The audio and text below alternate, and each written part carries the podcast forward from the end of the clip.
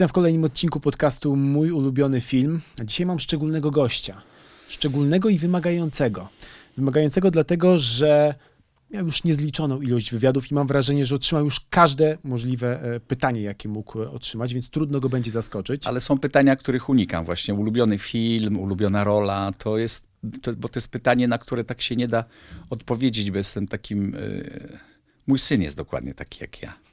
Że on jest taki jak dany moment, wiesz. W tym momencie mu się podoba to, w drugim momencie podoba mu się coś innego i jak ktoś kocha kino i, i, i ja kocham kino, y, uwielbiam oglądać filmy, i na pytanie mój ulubiony film, no nie ma takiej jednoznacznej odpowiedzi, że powiem o tylko ten i mogę go oglądać w nieskończoność. No, w nieskończoność jest parę tytułów, które mogę oglądać, ale tak powiedzieć, który naprawdę jest ulubiony, jest, y, musiałbym wymienić 100 tytułów, 200, wiesz, żeby... Gość jest wyzwaniem, ale jest jednocześnie błogosławieństwem, bo wiadomo, że jak jest przed mikrofonem, to nigdy nie będzie nudno. Cezary Pazura, Tak, tak. dzień dobry. Pazury mylą.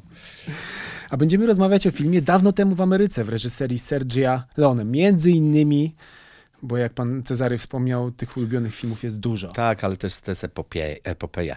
Ja lubię takie filmy, które są wysycone. Oprócz tego, że jest, że jest zaskoczenie, że jest suspens, to jest to wszystko przemyślane, kiedy telefon dzwoni przez kilka scen. Yy, nie wiadomo dlaczego ten niepokojący dźwięk telefonu. Drrn, drrn, a my jeszcze oglądamy akcje z zupełnie innych czasów, z innego momentu. No, ja, ja kocham takie, takie kino niejednoznaczne. Tam jest dużo teatru. Jest. Tam jest bardzo dużo teatru, tam jest kamera skupiona na, na aktorach, chociaż wszyscy się zachwycali tym, jak został odtworzony ten świat dawny, ten Nowy Jork. E, w Nowym Jorku się dzieje. nie? Dokładnie tak. No właśnie, już chciałem strzelić, że Chicago, ale duże bloki, w każdym razie większe niż na Ursynowie. I, e, i to, to jednak e, to jest tylko tło. U nas czasami jest coś takiego, że jak już mamy dobre dekoracje, to tylko widać dekoracje, a, a nie idziemy za tym, co się dzieje, za słowem, za bohaterem. Ja teraz zagrałem w jednym przedsięwzięciu, nie powiem jakim. Jeszcze do reżysera nie zadzwoniłem, bo obejrzałem to i sobie myślę, kurczę, wszystko pięknie sfotografowane, e, zmontowane. Wydawałoby się na pierwszy, na pierwszy rzut oka, że jest wszystko idealnie, tylko nie wiem o co chodzi. I to jest problem, że jakby i montażysta, i reżyser nie poszli za przesłaniem, tylko się upajali tym, jak ładnie nakręcili dzieło. Słabo, no tak nie można robić. To, to jednak to jest zawsze, w, w, w, powinno być pod, podrzędne. Co z tego, że zrobiono świetne, piękne dekoracje, jak nie wiadomo o czym jest film, no nie? A tutaj jest odwrotnie u Sergio Leone. My cały czas idziemy za bohaterem, za bohaterami. My się z nimi utożsamiamy, śledzimy akcje, e, łapiemy wątki, łączymy je sobie w głowie. I Sergio Leone dokonał czegoś niebywałego. E, to, co ja kocham w kinie.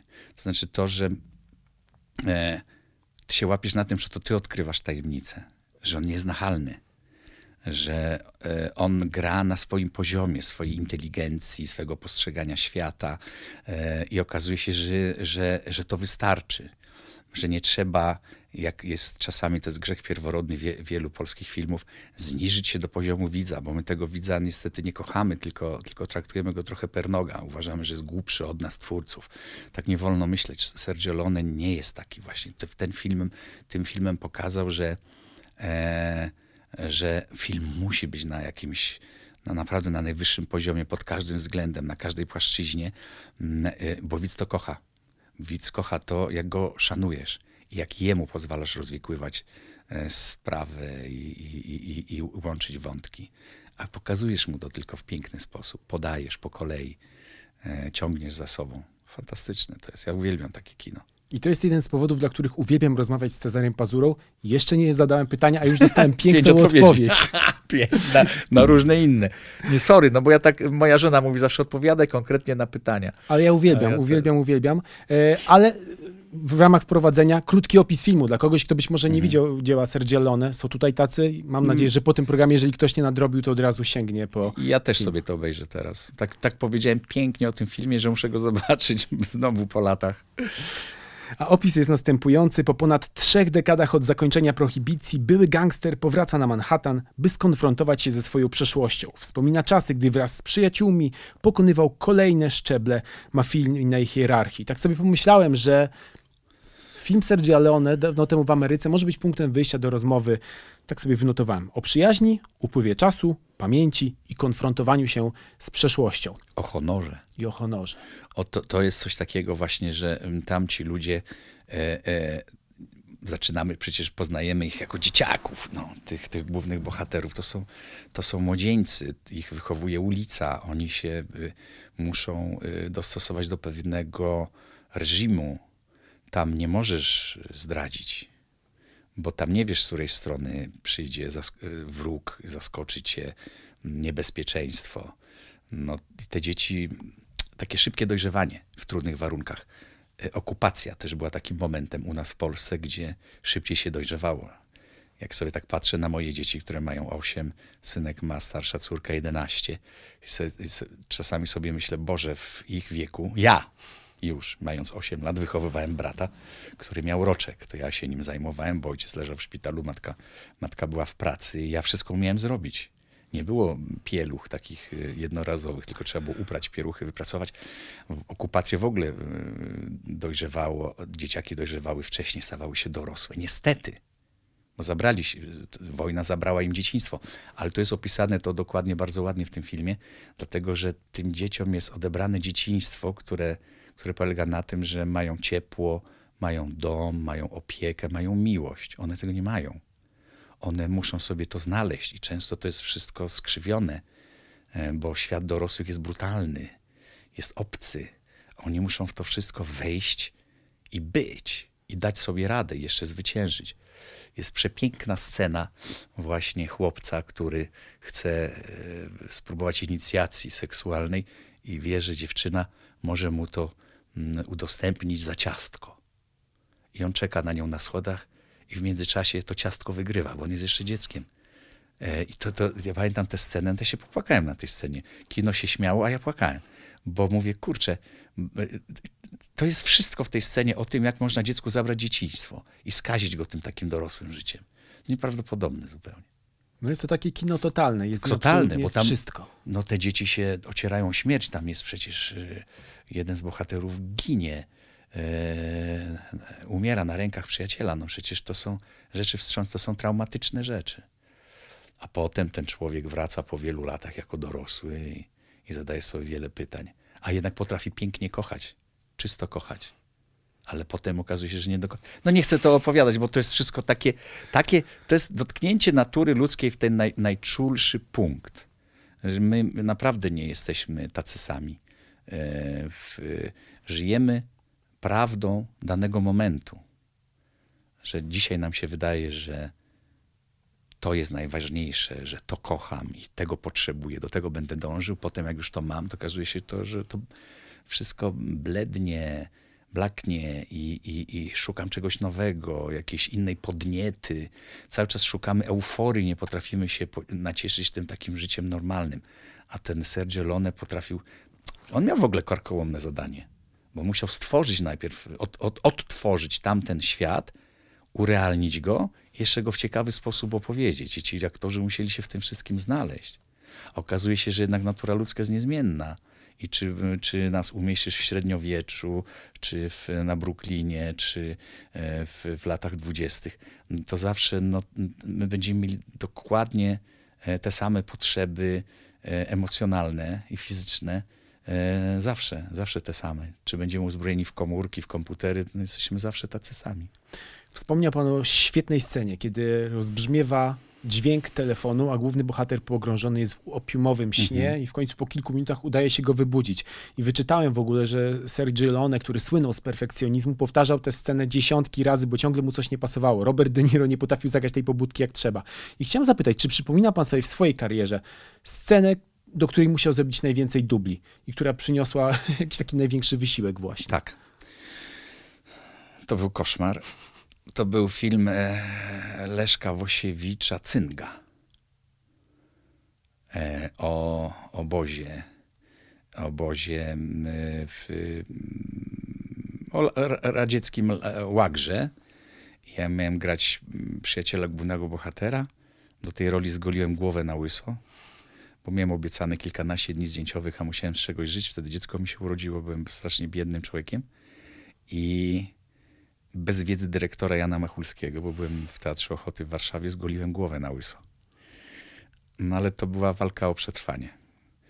Oczywiście roli nie dostałem, bo okazało się, że ta rola nie jest potrzebna, tylko tak mi powiedzieli, żem głowę zgolił. Trochę mnie wykorzystano wtedy i pamiętam, że przyszedłem i scena była mm, prosta na pierwszy rzut oka. No przychodzi przyjaciel do drugiego przyjaciela, graliśmy to na hali, był barak wybudowany, taki w, w tym łagrze.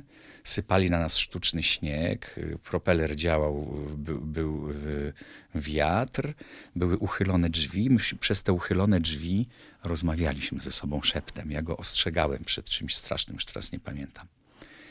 E, pozycja była strasznie niewygodna, bo ja byłem w kucki na jakimś twardym, na, na kolanach, na jakiejś skrzynce klęczałem w jakimś takim, e, no strasznie, strasznie ucharakteryzowany. Cynga to jest taka choroba, która zżera zęby, jak się nie ma witaminy C. E, no byłem, wyglądałem strasznie, no jak więzień. E, I rozmawiałem z tym kolegą. I Leszek Wosiewicz mówi stop. No to jest zbyt gotowe, wiesz, musisz to inaczej. I zaczyna mnie reżyserować. Zagrałem drugi dubel, trzeci, czwarty, piąty, szósty, siódmy. Chyba 23 duble zrobiłem tego ścierpłem cały, już nie wiedziałem jak się nazywam. E, zwątpiłem w ogóle w swoje umiejętności. Byłem wtedy młodym aktorem. Mówię, nie, ja się chyba do tego nie nadaję, ja nie wiem o co mu chodzi. I wreszcie już tak mi ręce opadły i mówię, a tak sobie pomyślałem w głowie, zagram dokładnie tak jak w pierwszym dublu. Bo ja nie, zrobiłem takie koło. 360 stopni. I zagrałem dokładnie to samo, co w pierwszym dublu. On mówi, świetnie, mamy to. I wtedy sobie pomyślałem, mówię, kurczę, no Leszek Wosiewicz z całym, z całym szacunkiem do tego dorobku, ale kurczę, e, wydawało mi się wtedy, że, że on jakby nie mógł wierzyć, że już przy pierwszym dublu aktor może być gotowy i wejść w rolę. Mm, I, i dlatego potrzebował tego całego koła, żeby, żeby się w tym u, u, upewnić, ale mnie to kosztowało naprawdę masę, masę wysiłku i zdrowia. Trwało to godzinami. Y, w tej pozycji wyszedłem odrętwiały, zbolały i po prostu miałem wszystkiego dość. 23 duble, pamiętam. To było no, to rzeczywiście to najwięcej, kiedy zrobiłem. Wyzwanie fizyczne. A tak, to, a tak to najwięcej dubli to chyba miałem Marka Koterskiego, też nic śmiesznego, 9 w I Love You też chyba z Kasią, jak graliśmy, tam była taka scena, kiedy ja ją policzkowałem i, i, i gadaliśmy i Marek to napisał 13 z głoskowcem, tak jak Mickiewicz i trzeba było średniówki, e, czyli te pauzy w, środku wersu i na koniec e, utrzymywać, więc e, rytmicznie i w, tych, w tym czasie bić po twarzy. to, było, to było trudne, techniczne, a jednocześnie trzeba było no, to poczuć i to, to, to też trwało, pamiętam długo. Pewnego razu w Ameryce, dawno temu w Ameryce ma obecnie status arcydzieła absolutnie zasłużonego, no tak, ale tak. nie zawsze tak było.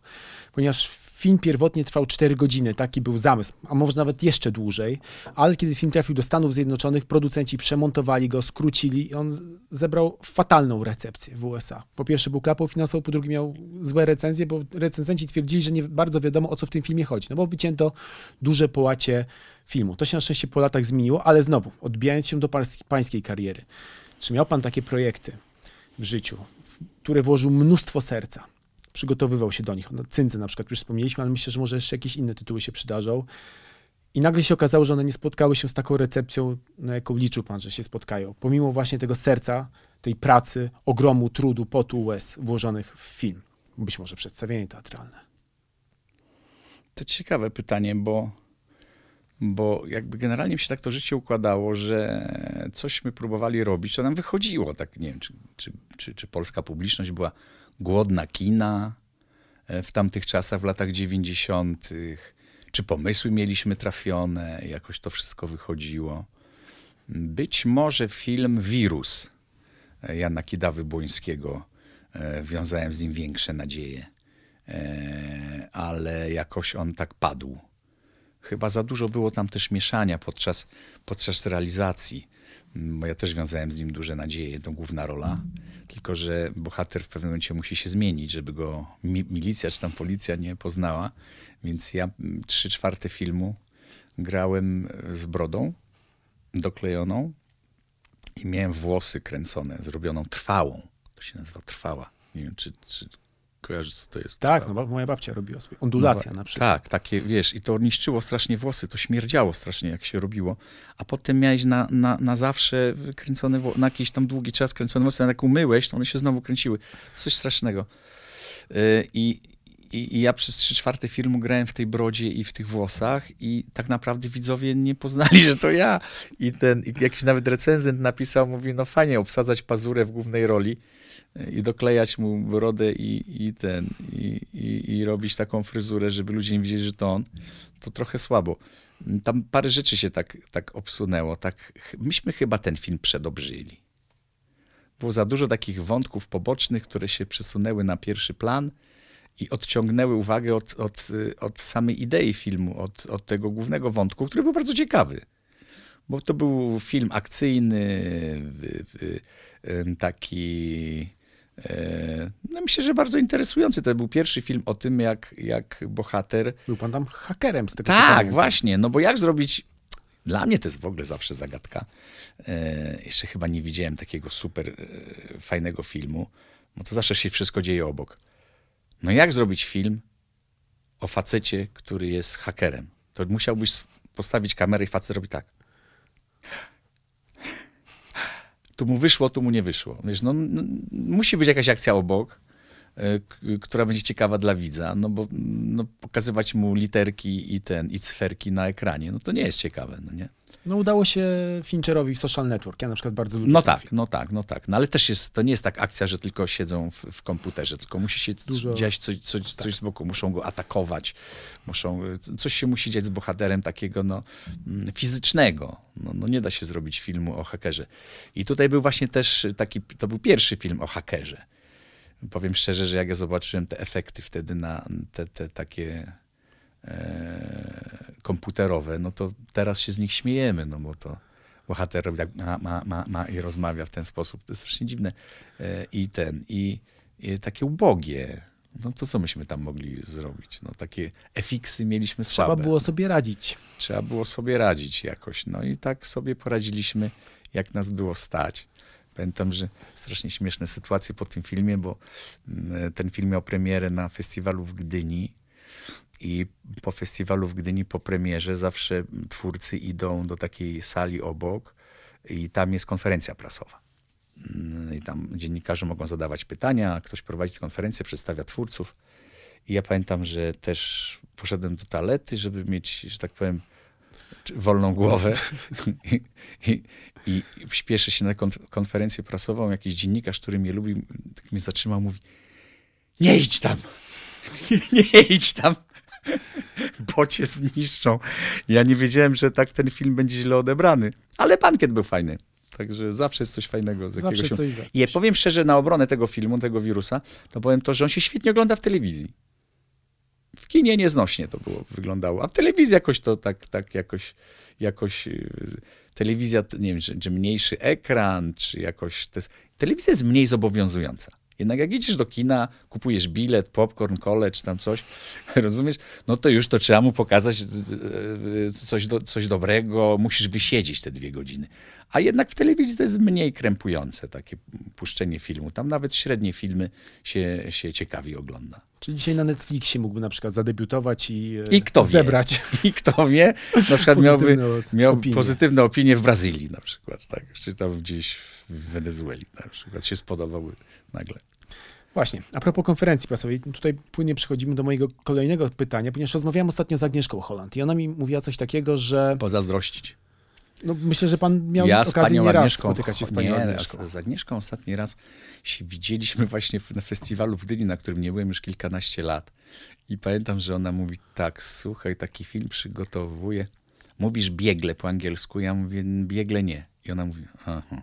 No i to się skończyła moja kariera międzynarodowa u Agnieszki Holland. Podejrzewam po tej rozmowie. No tyle z nią rozmawiałem.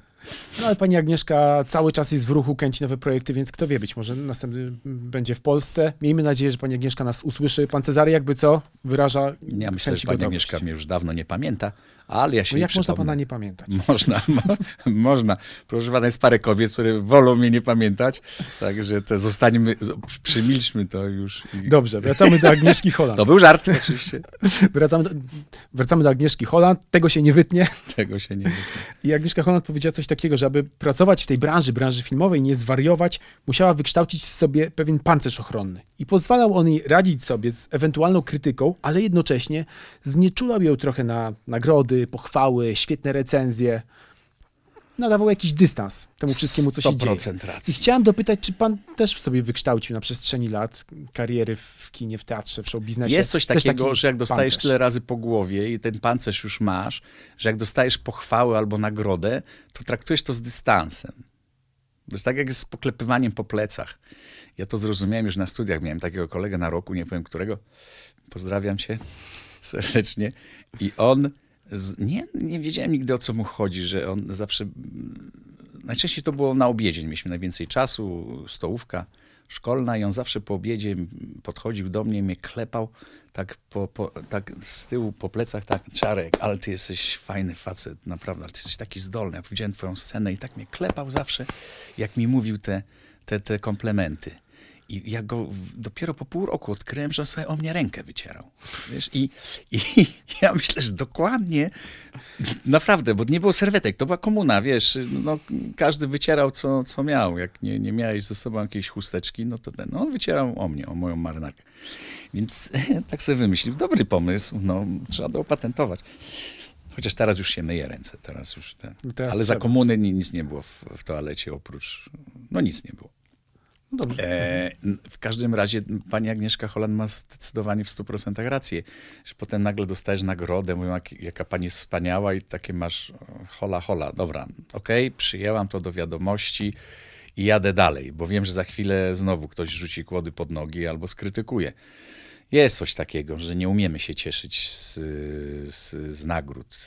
Zawsze je bierzemy z pewnym takim dystansem. Oczywiście są takie momenty, wiesz, że, nie wiem, Oscary czy coś, że oni płaczą. No bo to jest taki moment, że puszcza wszystko, że kurczę, no jest, udało się i A może grają? I, nie, ja myślę, że one są szczere. Bo ja na przykład strasznie, strasznie nie lubię, jak, jak y, aktorowi, aktor się naprawdę wzruszy, łzy mu polecą, a wszyscy mówią, o, ale udawał. Nie, no ale kiedy oni mają mm, szansę być szczerzy? No cholera, no wtedy jak biorą te nagrody i rzeczywiście ten wysiłek jest jakiś y, wi- widoczny, jest nagrodzony, to wtedy to puszcza, wiesz, te łzy lecą i, i kurczę, bo, no, bo te łzy, które masz z bezradności, to raczej w domu. Wtedy nie ma kamer. Na łzy szczęścia są wtedy, kiedy się bierze nagrody. I ten, i, i ja się naprawdę nie dziwię twórcom, tym, tym wspaniałym, że oni czasami mm, łza pójdzie, bo to, bo to są wzruszające momenty. Pamiętam, jak, jak Marek Koterski z Markiem y, Kondradem brali nagrody za Dnia Świra, przecież się popłakali obydwa i Marek Kondrat. I to było tak bardzo wzruszające, że jeszcze on wtedy wiedział, a my nie, że kończy karierę, więc to już w ogóle było, mm, potem do mnie doszło, że to podwójne to, ten ciężar tych łez, wzruszenia był, że się jednak żeg- żegna z zawodem. I ten, i no to było, mm, a teraz brakuje aktora w pracy. Marka. Możemy go zobaczyć na małym ekranie. No ale zazwyczaj. to, to, to takie nie, no taka tru, trudno powiedzieć, to rola, a przecież to, to wybitny, wspaniały, cudowny aktor. Jak ja zobaczyłem przecież Zaklęte Rewiry, on wtedy młodym chłopakiem, jak to zagrał i wtedy zwątpiłem, bo wtedy planowałem być aktorem. Jak zobaczyłem Marka Konrada, to mówię, kurde, aha, to, ta, aha, to to jest aktorstwo, o kurde, to ja tak nie umiem. Naprawdę. Była taka jedna scena, że ja powiedziałem sobie, o nie, kurde, wszystko a, te, a tego już nie. Oho, to już muszę pomyśleć, nauczyć się, jak on to zrobił, skąd to wyszło z niego. No to są takie, takie momenty, że, że ja byłem na trzecim roku studiów, kiedy w, na, myśmy mieli, oprócz tego, że robiliśmy normalne sceny na zajęciach, to ja jeszcze pracowałem w tak zwanym kół- kółku teatralnym, robiliśmy dodatkowe sztuki i była taka sztuka Zamek w Szwecji, ja nie zapomnę. Ja tam grałem główną rolę. Myśmy taki skrót zrobili z tej sztuki, żeby się jeszcze podszlifować aktorsko z przyjaciółmi. I yy, Proszę kontynuować. Tak. Tylko coś sprawdzę. O, to się... Dobrze, wszystko się nagrywa. Dobra. To też się nagrało, ale takie uroki Dobra. podcastu, że dzieją się różne rzeczy. I, i to, to było niesamowite. I, i, i, Marek Kondrat grał tę sztukę w Warszawie w Teatrze Prezentację. Ja specjalnie z Łodzi przyjechałem do Warszawy, żeby go zobaczyć w tej roli. Eee, i, I powiem szczerze, że ten... I wtedy zobaczyłem, trochę się uspokoiłem. Mówię, kurde, mam lepsze pomysły. tak mi się wtedy wydawało. A on po prostu już, już dojrzale grał. Był, mm, miał, miał to coś, miał ten, to, co Hanuszkiewicz mówił, że aktor czy aktorka mm, ma taką rzecz, której nie wyćwiczy i z którą nie przyjdzie do szkoły, ani tej szkoły nie opuści. To jest wdzięk. Albo go masz, albo nie. Z tym się człowiek rodzi. E, Tak y, definiował to y, Hanuszkiewicz, że to się nazywa wdzięk. Ludzie inni mówią, że to coś. Magnetyzm, charyzma. Jak zwał, to zwał. No ale jest, jest to coś, że na jednego aktora chce ci się patrzeć, albo aktorkę, a na drugiego, mimo że będzie na głowie stawał, no to mówisz, no, no a, dobra, no już wiem, dzięki, to wolę tamtego na przykład. Jaracz tak dobierał. Y, Nie wiem, czy, czy wiesz, aktorów. Nie. No przychodziła moda adeptka sztuki, mówi, chcę być aktorką. Kiedyś nie było szkół teatralnych, prawda? No, przychodziła do teatru przed wojną i, i mówi, chcę być aktorką. On mówi, to dzisiaj wieczorem pani gra. Ojej, ale jak? No wchodzi pani i mówi, panie hrabio, mm, konie zajechały, nie? Tam powóz zajechał. Gra No i pani to jest bojowy. ale uwaga, Jaracz siadał e, na widowni, on miał sw- swoją lożę na pierwszym piętrze i nie patrzył na nią, tylko patrzył na ludzi. I jeżeli ludzie głowy, ona wchodziła z prawej kulisy, jeżeli głowy się odwróciły w prawo, panie hrabio, powóz zajechał i wróciły w lewo, to nie brał, a jak zostały w prawo i jeszcze tak ludzie się wychylili, o, ten ułamek sekundy dłużej, że zatrzymali na niej wzrok, znaczy, że przyciąga. I on ją brał. I uczył ją aktorstwa. W ten Charyzma sposób. i Tak, magnetyzm jest. Tak, A teraz tak, tak, trzeba tak, ten tak, diament tak. po prostu oszlifować. tak albo, albo podziękował, mówi do widzenia. No i już. Trzeba mieć charyzmę, trzeba mieć magnetyzm, ale trzeba mieć też dobrą pamięć, bo to jest jedno z podstawowych narzędzi w warsztacie każdego aktora. No I to, to jest w ogóle bez, o tym się nie mówi. no właśnie, i o to chciałem zapytać. Jak dbać o pamięć, żeby ona służyła dobrze przez kolejne lata? Czy ma pan na przykład swoje jakieś ćwiczenia specjalne? No po prostu się uczy, siedzisz i uczysz na pamięć. Nie ma czegoś takiego jak ćwiczenia pamięci. Jedynym ćwiczeniem pamięci realnym to jest to, że jak, jeżeli grasz ciągle i ciągle się uczysz czegoś nowego, to jest to dla ciebie mechaniczne. A jeżeli miałbyś przerwę, na przykład rok, dwa i dostał dużą partię tekstu, no to będziesz miał z tym problem. E, Ja teraz y, złapałem się na tym, że po pół roku niegrania w teatrze spotkaliśmy się na próbę i kurczę, nic nie pamiętałem. Miałem takie wrażenie, że nic nie pamiętam i z tego strachu powtórzyłem sobie w domu. Koledzy przyszli na próbę, co ty w domu powtarzałeś? Po co? Po to jest próba, żeby teraz sobie przypomnieć. I jedyny pamiętałem tekst na próbie. Koledzy byli wściekli, ale dobrze.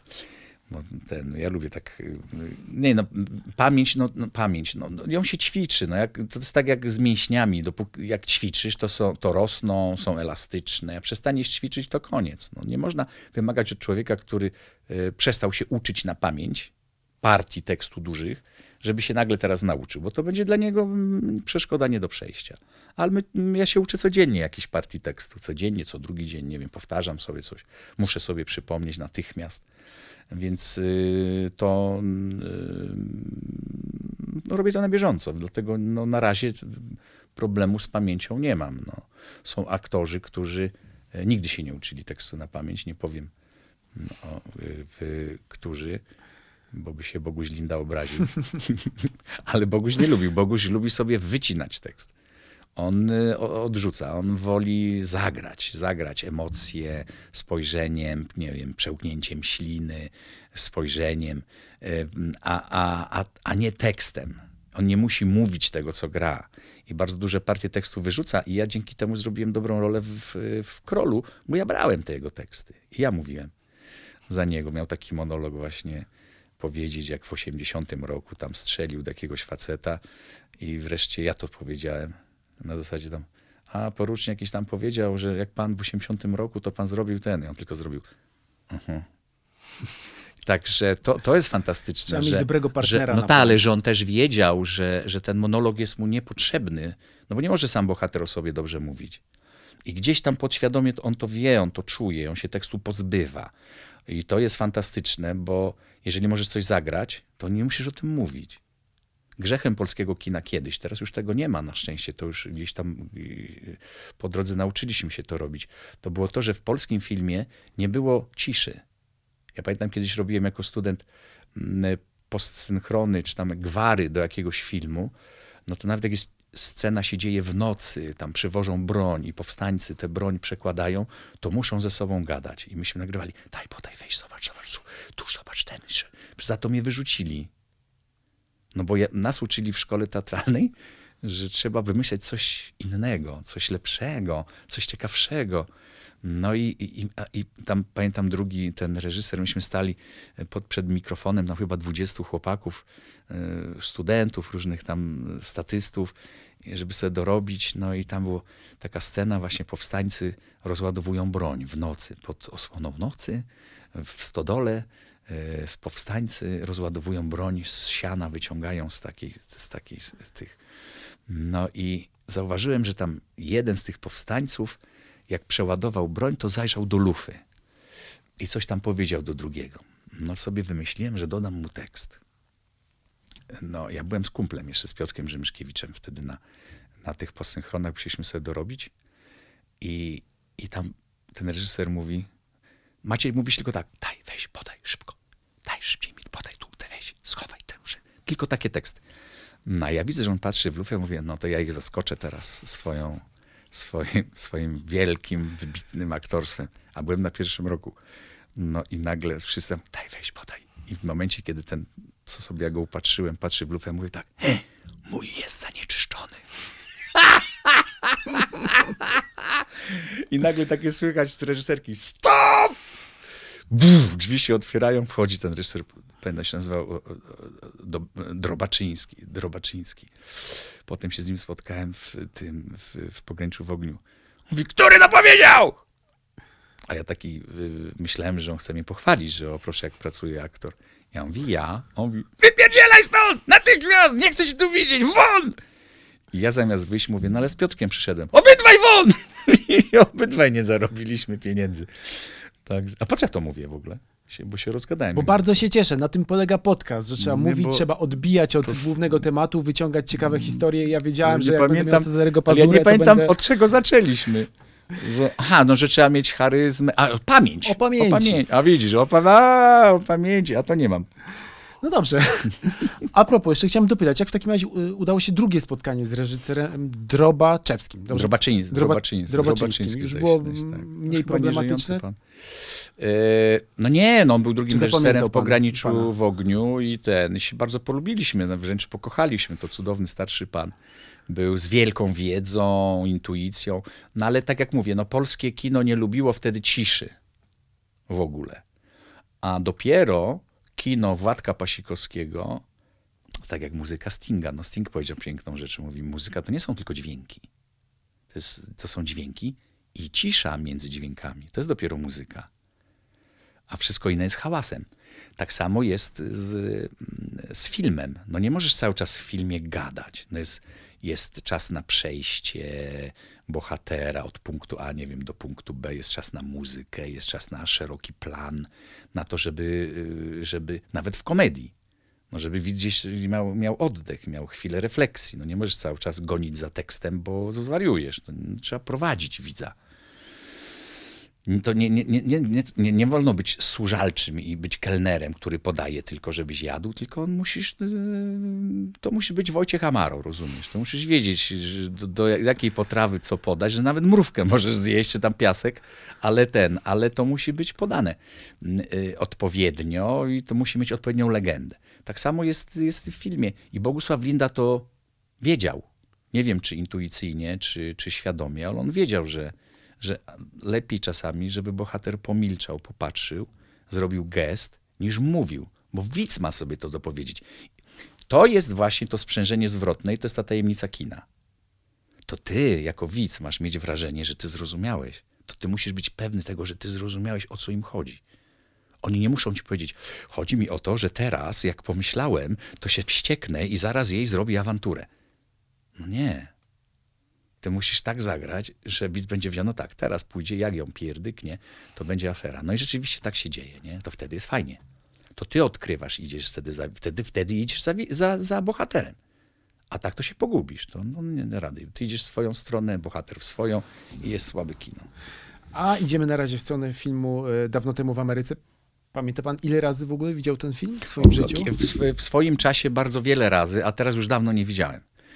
I chcemy, właśnie się szykujemy z moją żoną Edytką, żeby zobaczyć, ale ma, mam, mam już na, bo był teraz powtarzany w którejś z telewizji, nagrałem sobie na, na, na twardym dysku w tym moim tym i, i zobaczymy go sobie któregoś dnia. Tak, bo to jest taki film, który mam wrażenie, Bo to trzeba mieć trzeba, trzeba trzy godziny ponad. ponad trzy godziny, co nie? Że to musi być i odpowiedni nastrój. I to jest tak jak z czasem Trochę- apokalipsy, wiesz, tak jak z potopem, y, tak jak Trzeba z się przygotować obiecaną. jak na wejście na górę, ale Tak. ze świadomością, że jak już wejdziemy, to widok będzie piękny. Tak, no ale zobacz, no, że teraz, teraz y, przecież y, y, Tarantino tak kręci. On nie kręci krótkich filmów godzina 20, godzina 40. No te filmy to już są opowieści ponad dwugodzinne. No, ja pamiętam, że jak myśmy wykręcili filmy w latach 90, złotych latach 90., no to film musiał mieć godzinę 20, godzinę 30, żeby jak najwięcej seansów upchać y, w ciągu dnia, dlatego że nie było multiplexów. Nie było wtedy multiplexów, były kina, które miały jedną salę. No i musisz jak najwięcej biletów sprzedać, jak jest film kasowy. Mm, Teraz jak masz 10 sal w kinie, no to na trzech puszczasz to samo, to tam czy trwa dwie godziny, czy dwie i pół, to już nie ma znaczenia. Bo tych seansów dasz radę sprzedać, jeżeli jest dobry film, tyle ile trzeba, żeby na tym, no żeby ten obrót zrobić, tych biletów sprzedać tyle, na il- ilu jest chętnych. Zawsze, a, a tak to, wiesz, zawsze była większa, y, większy popyt niż podaż. A w tej chwili jest odwrotnie. Jest za, za dużo sal, a za mało chętnych, żeby poszli do kina. Mm, No i teraz jak to zrobić, żeby... Nie ma przepisu na, na, na, na dobre kino, a kiedyś przynajmniej było to obostrzenie, że nie, nie, nie, proszę pana, nie, za długi film, to musisz obciąć. No, no nie stary, no jakby z półtorej godziny, to już to maksimum półtorej godziny, przecież reklamy wchodzą, jeszcze to. Kończy się seans, wchodzi następny, to koniec, do widzenia. A łatwo jest panu odnaleźć w sobie cierpliwość, żeby na przykład podejść do takiego długiego filmu, bo mamy coraz mniej czasu. Pan jest w ogóle zabiegany. No właśnie, ale to jest też jakieś, jakieś dla mnie y, y, dziwne. Mamy coraz mniej czasu, coraz krótsze formy nas interesują, no bo oglądamy, y, y, y, nie wiem, na YouTubie krótkie filmiki, jakieś ten, na TikToku dzieciaki oglądają krótkie rzeczy, a jednak jak jest kino, to większość tych filmów jest ponad dwugodzinnych. No Psy 3 też trwały równo dwie godziny że jednak to jest format. Format, inny format ni- niż to, do czego jesteśmy na co dzień przygotowani. Te krótkie filmy, te seriale takie półgodzinne. Teraz też seriale już się robi godzinne, 50-minutowe odcinki. To jest być może też kwestia No. tego, że zaczęliśmy oglądać dużo seriali, często tak zwanym longiem, Longiem, binge-watchować tak. je.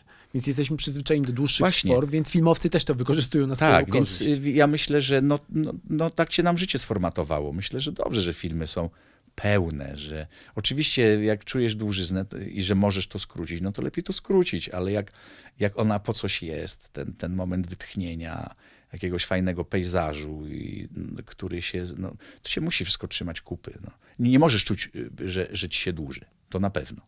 A w trakcie seansu potrafi pan wyłączyć w głowie profesjonalistę, który... Ale zawsze to mam. i oglądać film na czysto, tak? Nie, ma czegoś umiem, takiego. Jak nie oni umiem. to zagrali, jak, nie- oni to jak, zrobili. Jak zaczynam, wid- jak zaczynam oglądać film, że widzę szwy i, i ten, to znaczy, że jest słaby. I wyłącza pan. To, to wtedy, nie- to wtedy ten, ja oglądam siadam jako widz. Pojęcia nie mam, jak oni to zrobili. Dopiero jak drugi raz oglądam, to się zastanawiam, jak, jak zrobili. Ale tak oglądam tylko i wyłącznie to, co, mi, co pro, proponuje mi reżyser, aktorzy. Nie, nie zastanawiam się nad tym, e, nad technikaliami tego filmu w ogóle. A często Dlatego ja myślę, to też jest coś takiego, że nie może aktor przejść zupełnie na drugą stronę i być aktorem. Musisz być jednym, jedną nogą widzą, widzem, drugą nogą e, e, twórcą, to wtedy no, zna, złapiesz ten balans, będziesz czuł, co, co jest potrzebne widzowi, ty jako artysta. No bo tak to...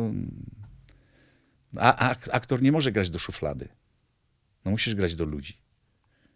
To poeta sobie może napisać wiersz i wrzucić go do szuflady, a aktor nie może zrobić roli, którą sobie schowa do szuflady i, kiedyś odkryją. Nie, nie, nie, to jest za, za drogie przedsięwzięcie. A często zdarza się panu wyłączać film w trakcie? Albo na przykład wyjść z kina? Wyjść z kina to jestem zbyt chytry, że wyszedł z kina, już zapłaciłem 20 zł, kupiłem popcorn, to już go zjem, ale zasypiam chętnie. Ale jak już Mam jest, tak samo. to zasypiam y, ostatnio. Nie, no żartuję. Ostatnio naj, najczęściej chodziliśmy teraz z, przed jeszcze pandemią z dzieciakami na filmy takie, bo dzieci uwielbiają kino. I no, czasami jak człowiek zmęczony, no to tak jakiś film dla dzieciaków, to tam się przyśnie. No to tam akurat tu można. No, dzieci nie wiedzą, że, że, że przysnąłem, a, ale tata był z dzieciakami w kinie. No dokładnie. No chyba jak chrapnę, no to wtedy żona mi szturcha. Nie chrap. Zdarzało się panu grać postaci współświadka. I ciekawi mnie na przykład, znowu w kontekście filmu Dawno temu w Ameryce, czy inspirował się pan na przykład słynnymi amerykańskimi kreacjami, być może Roberta De Niro, tworząc swoich nadwiślańskich gangsterów? Oczywiście, że tak. Z tym, że tu, jest takie zagrożenie.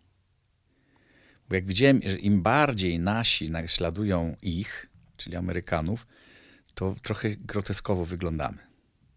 No bo jednak u nas jest trochę inaczej. Nasza gangsterka taka, no to jest taka bardziej taka Warszawa właśnie po Wiśle, takie przedwojnie, nie cyklistówka. No to tak jakby, no, no, no, e, w- jak to się nazywa ten serial? e, Peaky Blinders może? tak, tak, tak. No, no niby podobne, ale jednak inne. To je gangsterstwo jest inne niż to gangsterstwo nowojorskie, to angielskie. I, i, i to jest. No to jest zupełnie co innego. To my możemy mieć jakieś tam. Wszyscy gangsterzy są do siebie podobni yy, charakterologicznie. No, nie są bezwzględni, czy tacy, śmacy, owacy. To już tylko gramy charaktery bo wszystko inne to już jest narzędzie. E, No nie możemy się przebrać nagle za De Niro i, i udawać jego, no bo to będzie, będzie wszystko obok, to będziemy karykaturę robić. No ale jakaś inspiracja wspomniał pan, że Inspiracja? była. Nie, no oczywiście, że tak, tak. Na przykład przy Chłopaki nie płaczą, czy być może jakaś konkretna... Nie, tam było, nie, tam było tylko w Chłopakach nie płaczą, że, że powiedziałem Olafowi, że po raz pierwszy zagram rolę bez uśmiechu. Ani raz się nie uśmiechnę. On mówi, no ale jak? Ja mówię, no nie. I tego się pilnowałem. I jakoś i to się tam poskładało. Poza tym to był tak nośny scenariusz, że e, aż, aż się chciało grać. I tam już jakby sam, samo, samo wychodziło. No, ja nie wiem, nie, wiem, jak to powiedzieć, ale są takie scenariusze, że, że, że wystarczy być. Wystarczy tego nie zepsuć. I to, i to już y, musi wyjść. Musi wyjść. Bardzo trudno jest zepsuć dobrą literaturę. To trzeba być naprawdę artystą. Ale zdarza się. to, no, zdarza się. To trzeba być wielkim artystą, żeby zepsuć dobrą literaturę. Tak jest. A czy na przykład na planie zdjęciowym zdarzały się panu dyskusje, być może kłótnie z reżyserami, właśnie co do natury dialogów? Mm, Te dyskusje dotyczyły wątpliwości natury estetycznej bądź etycznej, że na przykład nie chciałby pan czegoś powiedzieć, albo powiedzieć w jakiś sposób, być może forma nie do końca panu leżała na języku. No często jest tak z dialogami, wy, wy, mm, ja to brałem może bardziej od kolegów, bo mm, ja nie wiem dlaczego, ale ja traktuję słowo napisane jako świętość. Jeżeli artysta, czyli scenarzysta siedział przy tym, potem reżyser to sprawdzał, producent, no i te słowa mają paść, to dlaczego mają paść inne? Ja muszę sobie teraz jako postać wyobrazić, że ja muszę użyć tych słów. Co ja muszę poczuć, jak ja muszę zareagować na sytuację, żeby akurat tych słów, żebym akurat tych słów potrzebował. To tak pracuje. A są aktorzy, którzy mówią, nie, ja to powiem inaczej. I to mnie na przykład denerwuje czasami. A czasami są ewidentne błędy, że jest źle napisany dialog, tak nie wiesz o co chodzi. I wtedy zadaję pytanie pierwszy reżyserowi, y, no jak byś nazwał tę scenę? No jest ta scena odtąd dotąd. Przychodzi ten do tego i rozmawiają. Jak byś ją nazwał? Tytuł sceny na przykład. Yy, kłótnia u fryzjera.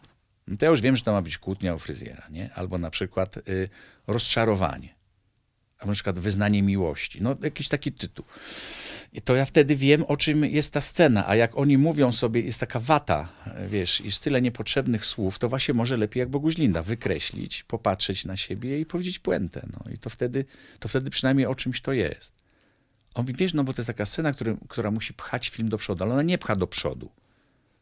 Bo pierwsze, co bym zrobił, to bym ją wyciął, bo ona jest kompletnie do filmu niepotrzebna, jeżeli tak, tak widać. No ale w, ym, może tak y, spłaszczam trochę to, to myślenie, ale ja jestem zwolennikiem tego, że jeżeli artysta napisał te słowa, to trzeba je zagrać. Trzeba się zastanowić, jak je zagrać. A są aktorzy, którzy idą na łatwiznę, bo nie, to, to powiem- powiem to tak. No można tak, no ale jeżeli jest napisane inaczej, to weź się w tej chwili... Zenek Laskowik mnie uczył, mówi, y, ja mówię, wiesz, ta puenta mi się nie podoba, to ja sobie ją wywalę. On mówi, ale powalcz o nią. Ja mówię, ale tu się nie śmieją, ale powalcz.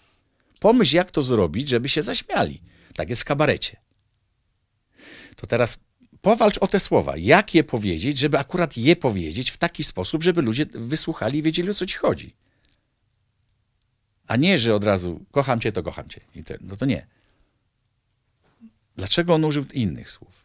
Wie pani, wydaje mi się, że.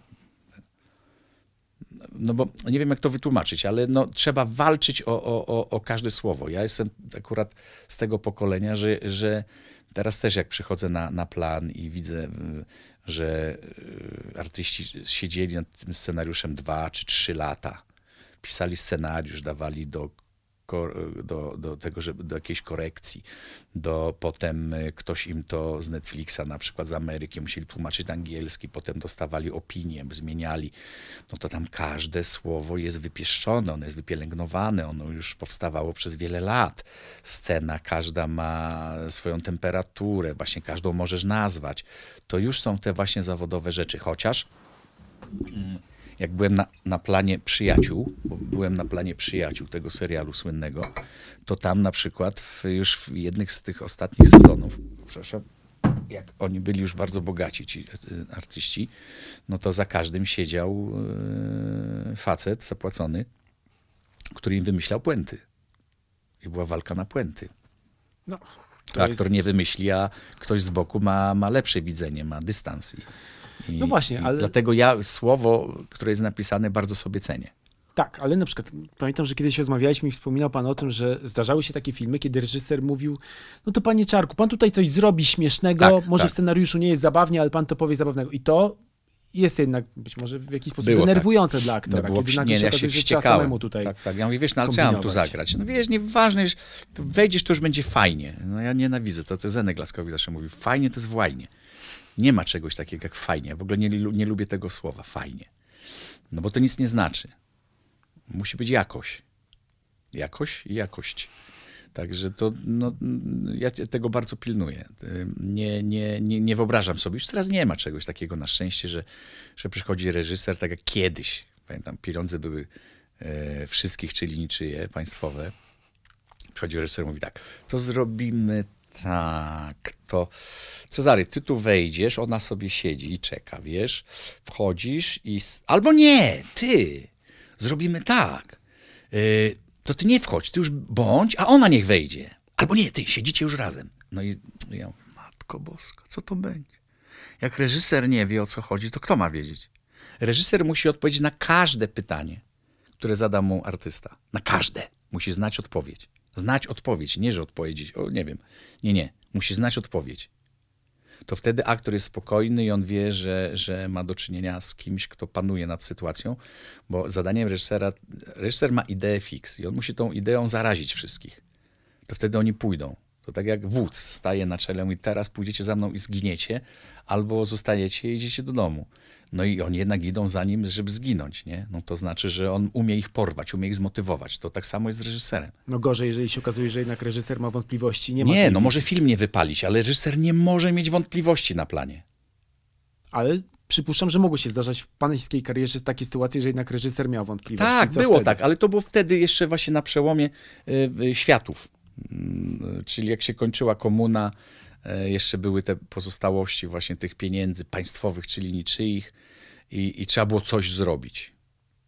No i jakiś reżyser stawał jakiś film i trzeba było go zrobić. No i, i robili film. 40 filmów na 40-lecie. No to, no to takie, to, to była, to, to jednak takie produkcyjniaki były. No to, to wtedy rzeczywiście, czy ona siedzi, czy on wchodzi, to nie miało żadnego znaczenia. Wspomniał pan o tym, że był na planie serialu Przyjaciele. Tak. I to jest ciekawe. O tym nie słyszałem. W trakcie, jak rozumiem, jednego z wojaży zagranicznych do 2004 roku kręcili Przyjaciół, więc przypuszczam, że to mógł być Tak, to końcówka początek. była w, w, wtedy, nie wiem, 2003, nie pamiętam już nawet. Jak to się stało, że trafił pan na plan To trochę przez Przyjaciół? przypadek byłem odwiedzić między innymi tam przyjaciół w, w, w LA, e, Grażynę Szapołowską między innymi, no i tam jej ówczesny mąż, który był konsulem, e, tam załatwił mi taki VIP tour e, i mogłem sobie pozaglądać w różne ciekawe miejsca, no i byłem na, na, na planie tego, tego serialu i to było ciekawe dla mnie bardzo przeżycie, bo oni od poniedziałku do, do piątku mieli próby, i stolikowe, i sytuacyjne. W sobotę już z kamerami mieli próby, a w niedzielę kręcili. I już. I obserwując ich, miał pan jakieś poczucie, że wow, to są aktorzy z naprawdę wysokiej półki, czy nie miał pan zupełnie kompleksu? Oni grali tak lekko i tak e, swobodnie. E, zresztą w ogóle jestem pełen uznania. Co włączam jakiś nowy serial teraz na Netflixie czy na HBO, e, to powiem szczerze, że nie znam tych aktorów, a wszyscy są dobrzy. Kurczę, że jest tylu fantastycznych aktorów. No bo jakiś młody aktor nagle, no właśnie w tym serialu e, Ratchet, no facet gra schizofrenika e, u lekarza, który potem mu mówi, że ale świetnie pan zagrał. A ja myślałem, a on mówi, kurde, ale się go, ja mówię, chyba bym nie zagrał takiego wariata. Może bym zagrał, musiałbym się nauczyć. Ale że on to robi, kurczę, że oni to umieją, no. Naprawdę są wspaniali aktorzy. Chociaż ja nie mam nic do naszych polskich aktorów, mam też wybitnych. Ale są to, to ciągle są ci sami. A, a tam jednak co, co serial to nowa obsada, ale cała. Tam się nikt nie powtarza. Matko kochana, ile tych seriali jest? I nowa obsada, i nowa obsada, i nowa obsada. I wszyscy genialnie. No kurczę, to ile tych? To wszyscy są aktorami już w tej Ameryce? No, to jest przede wszystkim znacznie, znacznie większy rynek filmowy niż e, w Polsce. I też Stany Zjednoczone ile mają? 270 milionów? Porównajmy to z naszymi 38. Ale oni też właśnie kręcą tak jak, tak jak no, no właśnie w, w, w, w Przyjaciołach to było inaczej, no bo to jednak ci aktorzy byli, byli świetnie wytresowani. Oni tam naprawdę robili to perfekcyjnie. No, ale y, jak grałem w, w takim amerykańskim serialu, grałem e, żołnierza MP, Military Police, to się dzieje akcja po wojnie. I myśmy z Leszkiem Dyblikiem, stary serial jak świat, tam lata, początek lat 90., myśmy grali żołnierzy, który główne, którzy głównego bohatera eskortują przez cały tam linię frontu. Czyli byliśmy z tym głównym bohaterem w sumie przez wiele, wiele dni. Czyli graliśmy prawie główne role razem z nim. Ciągle nie, nie wiem, co się stało z tym serialem. I ja pamiętam, że kazali nam Pamięta pan tytuł, przepraszam? Tego Nie serialu? pamiętam. To skąd. sprawdzimy potem na Filmwebie, będzie jako po- Pojęcia nie, nie mam. I ten, Leszka trzeba zapytać. Pamiętam, że wtedy zrobiliśmy numer, że y, ten, y, ludzi zatrzymywaliśmy, mimo że mieliśmy MP, ale mu- mundury i mandaty dawaliśmy normalnym naszym. Przy... No ale 90 lata, no to tam ludzie się bali munduru po stanie wojennym. Szalone złote lata. I ten, tak, no ale mieliśmy na te, na wydatki. Jakieś No drobne. Ale nie, i, i tam było coś takiego w, Ameryce, no bo u nas to tak, metr taśmy kosztował tam, nie wiem, ileś dolarów i taśma była zawsze, na, nie, nie kręciło się tak jak teraz na, na, na nośniku cyfrowym, tylko na taśmie. Ta Każdy taśma- metr był na wagę każdy złota. metr kosztował ileś tam dolarów.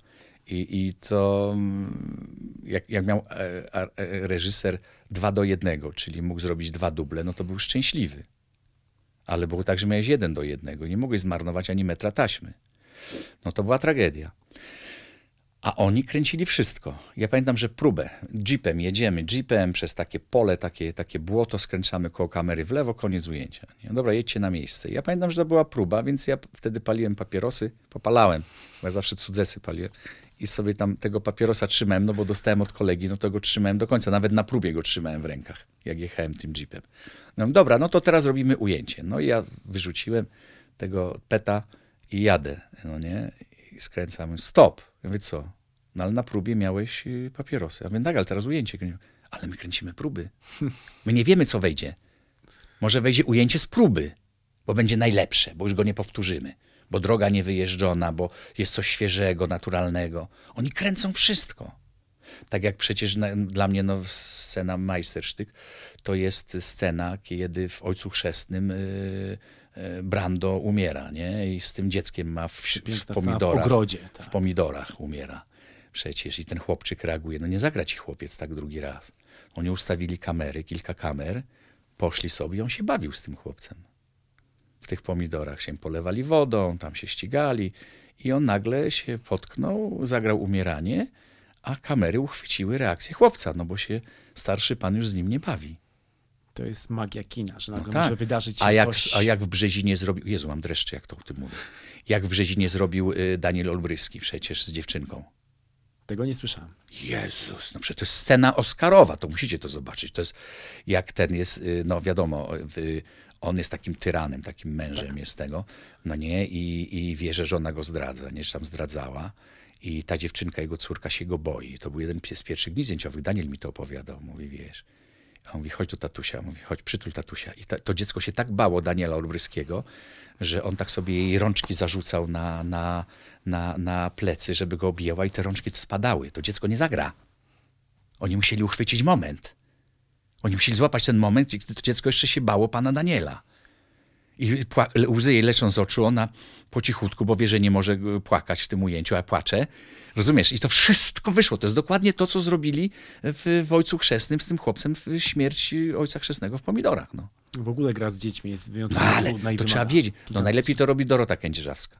No ona reżyseruje dzieci, no to, no, to jest to, to wybitne. To, to co, co ona robi z dziećmi, to ja, to ja nie znam na świecie takiego specjalisty.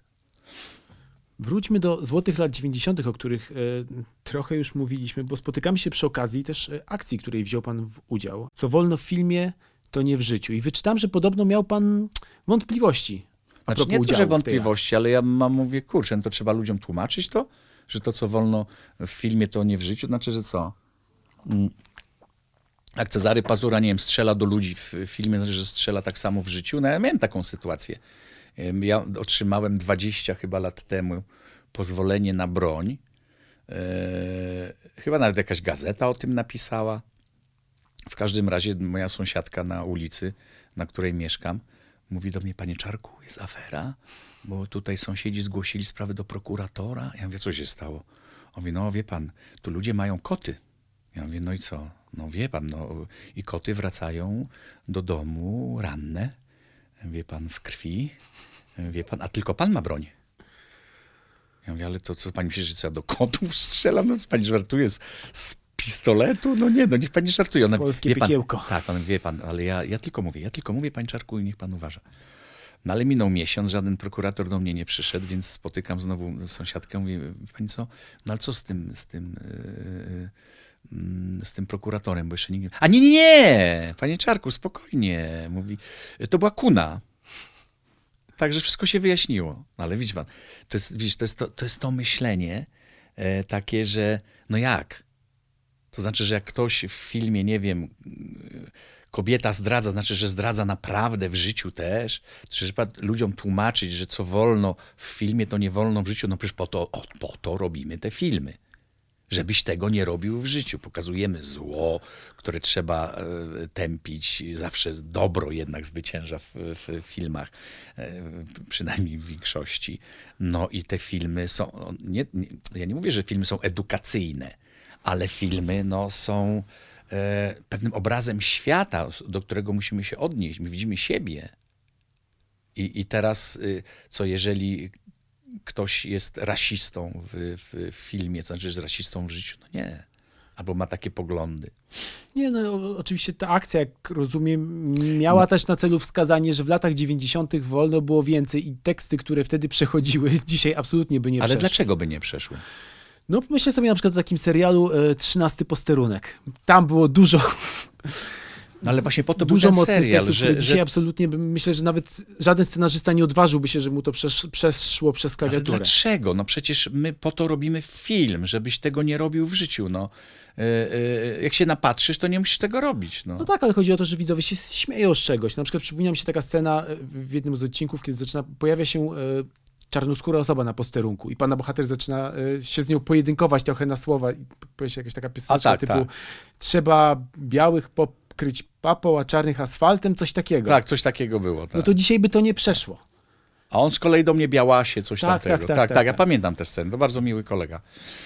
E, Omar Sangare? Nie, nie, nie, nie, nie, nie. To był jakiś. e, O jego chyba nie ma już w Polsce, e, e, ale to w, powiem szczerze, że ten. A może Omar to był? Wydaje mi się, że mógł być to Omar, tak. Sangarą. Teraz w Stanach Ale- Zjednoczonych jest tak, tak, ja cenionym wykładowcą i No. aktorem teatralnym. No i kurczę, i ja się tak zastanawiam, że. No ja nie wiem, dlaczego tak się dzieje, bo to przecież nikomu nie wyrządza krzywdy. Ja, ja rozumiem, gdyby to coś. No jest bohater, tak jak w chłopakach nie płaczą. Jest to bandzior, Fred, który praktycznie nic nie wie. Naprawdę nic nie wie, tylko mu się wydaje, że wie. Je tylko kiełki czegoś tam, tofu, czosnek i ten. y, I, i, i, on, I on mówi, a wiesz skąd się wzięli y, czarni w Ameryce? No, i No. zaczyna ten, ten, ten, ten monolog. No to to jest jego, jego widzenie świata, wstrząsające, głupie, beznadziejne. No to jest rasistowskie, absolutnie. I Wszystko my- prawda. no i co? I to, i, i, I to trzeba z- powiedzieć, teraz ludziom tłumaczyć, że to nie ja, tylko on? Tego nie mogłem zrozumieć. No czasem jest tak, że rzeczywiście ludzie mają problem z oddzieleniem rzeczywistości Ja się przestraszyłem tylko jednego, ekranowej od że, że w naszej takiej. poprawności politycznej, żebyśmy nie zaczęli tych filmów cenzurować, bo to by było straszne, jakbyśmy zaczęli wy, wycinać y, y, jakieś y, y, te... A to się dzieje akurat. Nie wiem, czy pan słyszał o czymś Nie. takim, że mm, jak wiadomo, sprawa George'a Floyda, ruch Black Lives Matter sprawił między innymi, że z Netflixa i z innych dużych serwisów streamingowych zaczęły być usuwane w odcinki, w których pojawiał się wątek e, blackface, czyli na przykład biały aktor pomalował się na czarno na potrzeby roli. Kiedyś to być może było traktowane jako żart, natomiast dzisiaj jest uważane za coś absolutnie obraźliwego i wtedy też prawdopodobnie przez du- dużą część widzów. W związku z czym niektóre odcinki są usuwane zupełnie i znikają. Matko kochana. Przeminęło z wiatrem usunęło, zniknęło też na moment z serwisu streamingowego HBO. Dopiero potem wróciło, ale ze specjalnym dokumentem i wstępem e, osoby, która wytłumaczyła, że ten film powstawał w takich, a nie innych czasach, kiedy też niewolnictwo No ale troszkę to wahadełko sposób, się odchyliło w, za bardzo w drugą stronę. Najpierw w jedną, że był Ku Klux Klan, a teraz w drugą, że ten, że już nawet powiedzieć nic nie można. To niedobrze. Oczywiście ja się cieszę, że jest taka akcja. No bo jeżeli trzeba to powiedzieć, to to mówmy. Wytłumaczmy to ludziom, że, że to, co wolno w filmie, to nie wolno w życiu. Może tak już trzeba mówić, może te filmy są zbyt realistyczne. Może mylimy y, świat wirtualny z realnym. Ja teraz napisałem swój program kabaretowy pod tym kątem, gdzie udowadniam, że żyjemy w dwóch światach naraz. W świecie realnym i wirtualnym. I my czasami nie potrafimy tego odróżnić, który jest realny, a który jest wirtualny i który jest ważniejszy. Ja pamiętam, że się zastanawiam, Boże, co o mnie napiszą, co o mnie powiedzą. Kurczę, ale no i co? I co, co, co mi się zmieni ze mną? Co? Co przestanę spać? Yy, Nie wiem. nie- Ja tego nie, nie, mogę rozumieć, że to życie ma na, na, na, nad nami taką władzę. Sami sobie wymyśliliśmy jakiegoś golema, który nas za chwilę pożre.